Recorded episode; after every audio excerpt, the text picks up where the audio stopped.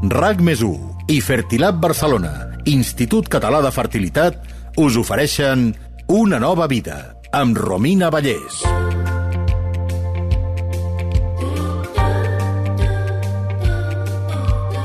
Gairebé un 30% de les dones que se sotmeten a un tractament de reproducció assistida per aconseguir ser mares més enllà dels 40 requereixen una donació d'òvuls segons el Registre Nacional de Tractaments de Reproducció Assistida.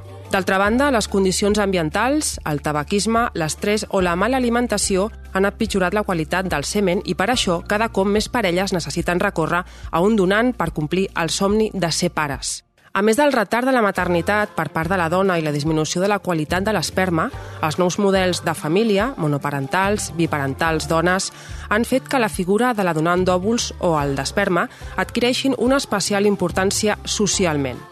Avui parlarem d'aquesta realitat des del punt de vista de les i els donants. Per què una persona decideix donar òvuls o esperma? Quins requisits calen per ser donant? Com és el procés? Quina és la compensació econòmica que reben? Com s'escull el millor donant per cada pacient receptora? Hi ha un límit perquè una noia o un noi pugui donar gamets? Què passa si una dona o el seu futur fill vol saber qui li ha donat òvuls o esperma? Avui parlarem de tot plegat a Una nova vida, el podcast de rac sobre la meravellosa i moltes vegades no exempta de dificultats aventura de tenir fills gràcies a la ciència. Benvingudes i benvinguts a un nou capítol. Us parla Romina Vallès, els comandaments d'aquest podcast, amb Salva Coromina fent el disseny de so. Comencem. I per parlar-ne, comptem, en primer lloc, amb la doctora Laura Azin. Ella és ginecòloga responsable del programa de donants d'òvuls de Fertilab Barcelona. Què tal, doctora? Hola, molt bé, gràcies. El 40% de les donacions d'òvuls a Europa es produeixen al nostre país. Aquesta dada és sorprenent i es pot entendre si en coneixem una altra encara de més impactant. A alguns països europeus, com Alemanya, la donació de gamets està prohibida. I encara una sorpresa més. Hi ha països com Irlanda on la donació no és anònima. Faci'ns un petit croquis d'aquestes diferències tan sorprenents per països i en quin punt estem nosaltres. Bueno, efectivamente existe un gran abanico de opciones, desde la prohibición total de donación de gametos, como en Alemania, pasando por la donación fuertemente limitada, como en Francia o Italia, hasta la donación no anónima, como en Suecia, Reino Unido o Portugal. Este debate viene sobre todo a raíz de los derechos del niño a saber sus orígenes biológicos, porque hay que pensar que la única persona que no tiene defensa ni voluntad es el recién nacido y es en esa línea en la que parece que tiende a moverse Europa. El problema viene de la fuga de donantes que se produce en los países en los que se abre este anonimato y la consecuente falta de óvulos y de esperma para cubrir las necesidades de la población. El model de donació espanyol, a més, eh, és molt diferent, per exemple, que hi ha als Estats Units.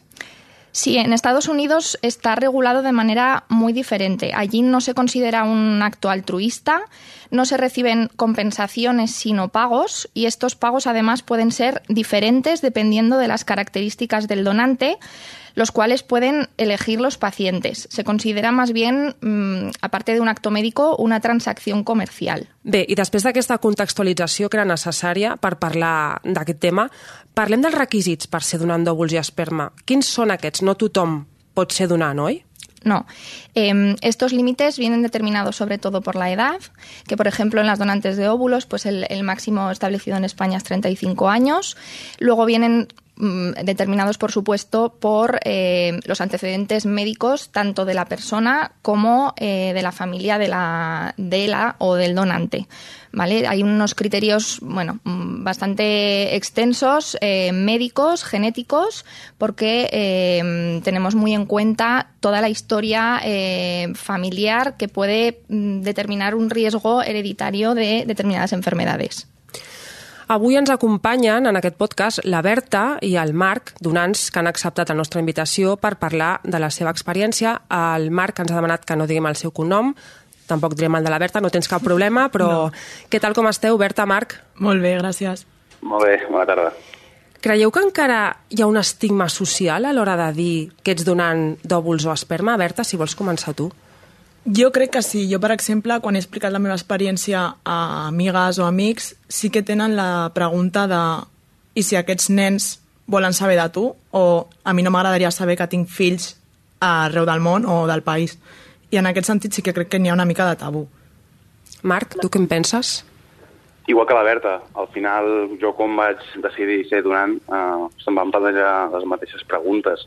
Ostres, tindràs fills arreu del món mm, i, si, i si volen saber de tu o, o, o tu voldràs saber d'ells? Són preguntes que t'has de, t'has de fer abans de ser donant i realment en el meu cas, mm, com les vaig plantejar, vaig dir, al final faig una aposta per ajudar a gent que no, no té aquesta possibilitat. Li vau dir a la vostra família que seríeu donants? Sí, i en el Sí. meu cas no van estar massa d'acord, la veritat. Ho veien com el tema de ficar-me en tractaments mèdics per diners o per una compensació econòmica, quan no em feia falta. Però jo els hi vaig explicar que no era per això, sinó perquè per mi era algo altruista, no, no ho feia per diners, no em feien falta. Ara m'explicaràs per què ho vas fer. Marc, la teva No, no. família ho, ho vas saber? Sí, sí, des, de, des del primer moment. Um, en el meu cas no, no va haver-hi cap objecció, o sigui, des del primer moment, des del primer moment se'm va recolzar. Eh, jo vaig deixar molt clars els meus motius, al final jo mm, se me va explicar quina era la, la importància d'aquesta d'aquesta d'aquest fet, o sigui, de, de ser donant, com contribuïes a la societat, i la meva família ho va entendre, ho va entendre molt bé i ho va, ho va recolzar des del primer moment. Per què decidiu fer-vos donants, Berta? I en el meu cas va ser perquè una amiga meva va començar a treballar a una clínica i per saber el que era, ella va donar. I a partir d'allà em va explicar l'experiència, que es sentia molt bé en se- amb si mateixa perquè havia ajudat algú i, i això, i em vaig animar. Va ser per aquest motiu. I Marc, en el teu cas? En el meu cas, eh, la veritat és que mai m'ho havia plantejat. La, la cosa va ser quan, arrel de, de començar amb la meva parella actual, vaig conèixer una de les seves amigues que havia sigut eh, donant i, i bueno, em va explicar el que feia, eh, en què consistia la donació, eh, també tot el que li havien explicat des de la clínica i bueno, a poc a poc em va anar convencent fins que al final em vaig decidir i vaig, i vaig decidir fer-ho jo també. Com és el procés, Berta? En el cas d'una dona és més complicat, implica un procés més complicat que en el, en el d'un noi. Com va Exacte. ser el teu cas? El meu cas, eh, bueno, tot comença amb una entrevista amb la coordinadora de donants i et fan les preguntes per saber si ets eh, o no apte per poder donar i després passes a una entrevista amb una psicòloga per saber també si tens eh, les enfermetats eh, al, a la teva família o el que sigui i ella determina si ets apte o no. A partir d'allà ja vas a la clínica i et fan un estudi mèdic per saber si tens alguna enfermetat, alguna alteració genètica que et, et descarta com donant i si ets apte, comences el tractament. I dura com tres setmanes, si no m'equivoco, mm. més un cicle, i després et fan la punció i ja està. Quan dius un cicle, doctora, ens pots explicar què és això d'un cicle? Un ciclo eh, se refiere a desde el momento en el que viene la regla, que la regla puede venir de manera natural o la podemos, eh, digamos, provocar después de tomar anticonceptivos. Y desde que viene la regla empezamos las inyecciones eh, en las que, bueno, que sirven para estimular los ovarios y hacer crecer los folículos, que son, digamos, como las estructuras que contienen los óvulos. Y este proceso dura como unos 12, 14 días y eh, después de este crecimiento folicular entonces eh, es cuando hacemos la intervención quirúrgica y extraemos los óvulos de, la, de los ovarios. Marc, com va ser el teu procés? Molt similar uh, al final que, com el de la Berta, no? En el meu cas eh, vam començar igual, també amb, amb, amb moltes entrevistes, també amb una psicòloga, eh, i finalment quan ja van veure que, que, bueno, que encaixaven al perfil, em van fer les, les proves mèdiques. A mi em va sorprendre bastant perquè jo pensava que seria tot una mica més ràpid, però la veritat és que van ser proves molt, molt, molt específiques, molt concretes, i jo crec que fins, des que vaig comen començar el procés fins que vaig començar a fer les donacions, tranquil·lament van ser 3 o 4 mesos de, de proves mèdiques i d'un control molt exhaustiu. Quina compensació econòmica us van donar? Perquè, ull, hem de parlar de compensació econòmica. En cap cas és una transacció, ara la doctora ens ho explicarà, però mm, Berta, tu quan vas rebre d'aquesta compensació econòmica per, per aquesta donació? La compensació econòmica està al voltant d'uns 1.000 euros, però no és un sou. Vull dir, tu no ho fas per diners, sinó simplement perquè vols ajudar algú, no per una transacció econòmica. I tu, Marc? pues a nosaltres, en el cas de, de, dels nois, ens sembla... Ara tiro de memòria, però diria que eren entorn als 50 euros la, la mostra. Clar, varia molt respecte, un respecte de l'altre. Doctora, qui posa aquesta xifra de compensació econòmica i per què és aquesta i no una altra? En Cataluña esta compensación está regulada por la Generalitat y en concreto eh, por la OCAT, que es la Organización Catalana de Transplantes. Y esta cuantía eh, viene establecida por eh, molestias físicas que sufran los donantes eh, durante, durante el proceso, gastos de desplazamiento a, la clínica y pérdidas económicas que puedan tener a nivel laboral por, a consecuencia de los desplazamientos y de la intervención. Berta, Marc, vau repetir? Vau tornar a donar? Sí, jo sí, he donat Sí? sí? dues vegades. I tu, Marc? Ah, en el meu cas no, només va ser-ho una vegada. Clar, perquè això és una altra pregunta que se'ns obre. Els límits eh, de les donacions. Un donant té límit de donacions, doctora? Existe este límite y además está regulado a nivel nacional desde hace unos años. Eh, el SIRA, que es el Registro Nacional de Donantes, que es la plataforma que regula esto y está eh, depende del Ministerio de Sanidad, empezó a desarrollarse en 2015 y después de pruebas piloto eh, acabó eh, en un uso obligatorio, que es el actual y permite un control por parte de todas las clínicas españolas eh, de toda la información referente a los donantes, tanto mm, los datos eh, médicos como el número de donaciones que han hecho, eh, el- en, en qué lugar eh, han donado, en qué fecha han donado, etcétera. Y además establece eh, los, los límites de donaciones, que es por lo que preguntabas, que eh, estrictamente son 40 donaciones en los casos de donantes de semen y 6 donaciones en los casos de, de donantes de óvulos. Y así como curiosidad, que me parecía interesante comentar, eh, puedo citar el caso de un donante holandés que al el, cual el superdonant holandès que va al tenir superdonant. 500 fills. Exacto. Que después de múltiples y múltiples donaciones dentro de su país y fuera del mismo, eh, bueno, se le atribuyeron 500, creo que 550 hijos. Entonces, precisamente para que no se dé este, no se den este tipo de casos y poder tener un control sobre las donaciones y un flujo correcto de información entre las clínicas en España, se creó esta plataforma. Berta, eh, t'has plantejat mai si t'agradaria saber si tens un fill o més fills voltant pel món? No, la veritat que no. Vull dir, és que no, ni m'ho plantejo, ni m'ho he plantejat mai, vull dir, no, és que no són fills meus. Tenen la meva càrrega genètica, però no són fills meus, no, no, no m'ho plantejo.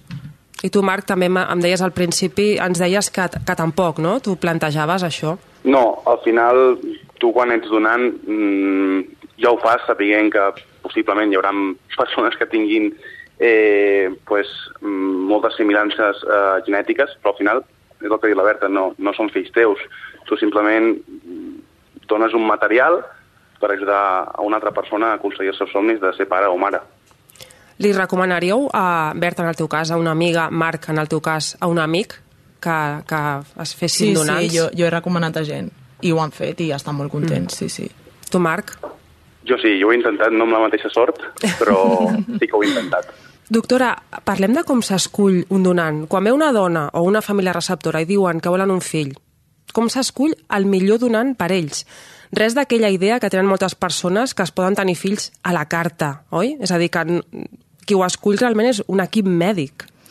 Eh, sí, correcto. El, el proceso por el cual se elige a, a un donante para, una, para unos pacientes se denomina matching.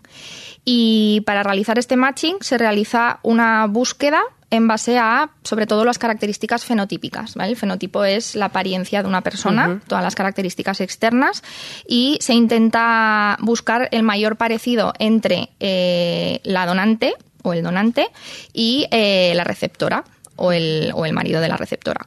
Y además, por otro lado, se tienen en cuenta otros factores como la compatibilidad de grupo sanguíneo, que también es otra cosa que se tiene en cuenta, pero hay que, hay que tener en cuenta que también eh, muchas veces esto se desregula, ¿vale? Hay, hay pacientes que desregulan determinadas características pues para poder conseguir un mejor eh, matching eh, a nivel médico. En España está totalmente prohibido que los pacientes elijan las características de su donante, que antes hablábamos de Estados Unidos, aquí está totalmente prohibido y este proceso depende totalmente del equipo médico responsable del, del programa de donación. O sigui, de moment aquest matching el fan persones, no el fa un algoritme com a Tinder que fa el match, però potser, hay programas potser hi info- arribarem, no? Hay programas informáticos que ayudan al equipo médico a realizar el matching, pero no depende totalmente de la inteligencia artificial de momento. Hi ha un tipus d'informació sobre la donant o el donant que sí que té dret a saber la persona receptora, oi? Qui- Quina és aquesta informació? Es información que no incluya la identidad de- del donante o de la donante. Son características generales. Únicamente, eh, por ejemplo, grupo sanguíneo, ¿no? Lo que hablábamos antes, grupo sanguíneo, o características generales del fenotipo de la persona. Pero eh, es únicamente en ocasiones muy, muy, muy extraordinarias es cuando se puede dar acceso a, a más información y normalmente está, mm, digamos, aceptado por un juez o indicado por un juez en casos muy extremos. Ha passat algun cop que hi ha hagut una reclamació per part de la persona receptora quan ha vist el seu fill i ha dit això no és el que jo volia. A ver, hay, hay pacientes más exigentes y menos exigentes, pero nosotros en nuestro caso no ha habido ningún caso de reclamaciones eh, relacionadas con discordancias en el parecido físico o, de la raza, ya que al final el, trabajo lo, intentamos hacer de manera minuciosa para conseguir que se parezcan lo máximo posible el, el- el donante con la, con la receptora. O sea que nosotros en nuestro caso no. Anem acabant. Pregunta també del milió. A un nen o nena nascuts d'una donació, com se'ls explica d'on venen i, sobretot, quan, en quin moment se'ls explica d'on venen? Aquí esto no es, es difícil, esta pregunta es difícil de contestar porque existe, no está regulado y existen múltiples formas de afrontar este tipo de conversaciones. Al final es responsabilidad de cada familia decidir qué información se da o se esconde y aquí los profesionales sanitarios lo único que podemos hacer es acompañar a las familias en el proceso, respetar la, la opción que escoja cada, cada una de ellas y asesorarles lo máximo posible. Y si hace falta también con un equipo de psicólogos, pues se, se, se les ofrece también. Si fos el seu cas, si fos el seu fill o filla, com ho faria? Ah, yo, en mi caso personal, eh, lo expondría de una manera natural desde el principio. O sea, Des des- del principi vol dir des de, des de ben petit normalitzar-ho. Sí, exactamente. Eh, obviamente adaptando la, la información a la edad de, de mi posible hijo, pero, pero sí que lo, lo, lo expondría de una manera súper natural, porque además esto cada vez está más a la orden del día y, y creo que hay que ser lo más abiertos y sinceros y, y decir las cosas. Se'ns ha acabat el temps per avui en aquest podcast dedicat a la donació d'òvuls i esperma. Ens quedem amb la idea, amb dues idees importants. La importància social que tenen els donants i les donants, oi que sí? I que la donació en cap cas és una transacció econòmica. No sé si voleu afegir alguna idea més, doctora. Yo creo que ya lo hemos comentado todo lo importante. Doncs moltíssimes gràcies, doctora Laura Azín, A ginecòloga responsable del programa de donants d'òvuls de Fèrtil a Barcelona. I moltíssimes gràcies als donants que heu volgut participar avui al podcast, Berta i Marc. A vosaltres. Vosaltres. I amb vosaltres, estimada audiència, ens tornem a trobar d'aquí a dues setmanes al proper capítol d'Una nova vida o també podeu recuperar els capítols a l'aplicació de rac i a rac Gràcies a tothom per acompanyar-nos. Fins a la propera. RAC més 1 i Fertilab Barcelona, Institut Català de Fertilitat, us han ofert una nova vida amb Romina Vallès.